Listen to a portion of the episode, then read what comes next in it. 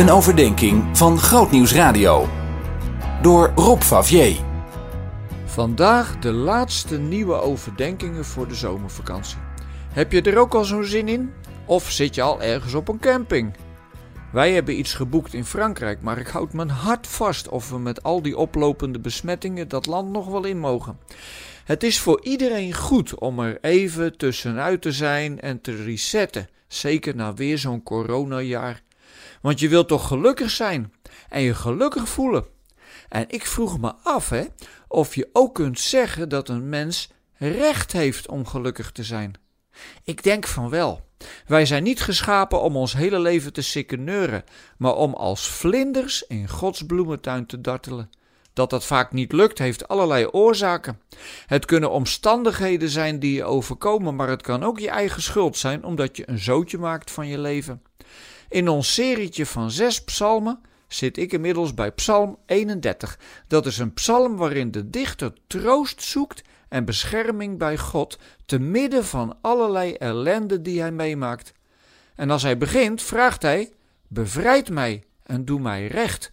Moet God je recht doen?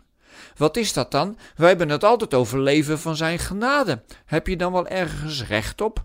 Jawel, want onze verhouding met God is te vergelijken met een verbond. En bij een verbond horen rechten en plichten. God neemt ons als verbondspartner heel serieus en geeft ons bijvoorbeeld het recht om altijd een beroep te doen op zijn hulp.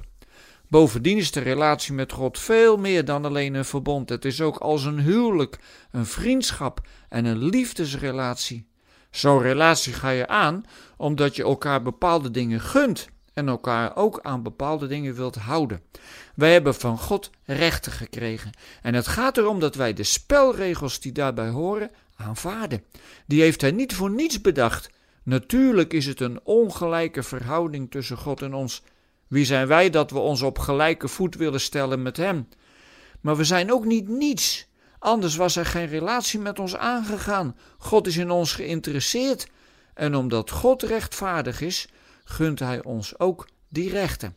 Daarom denk ik dat je best mag zeggen dat wij het recht hebben om gelukkig te zijn. Dat recht gunt God ons van harte.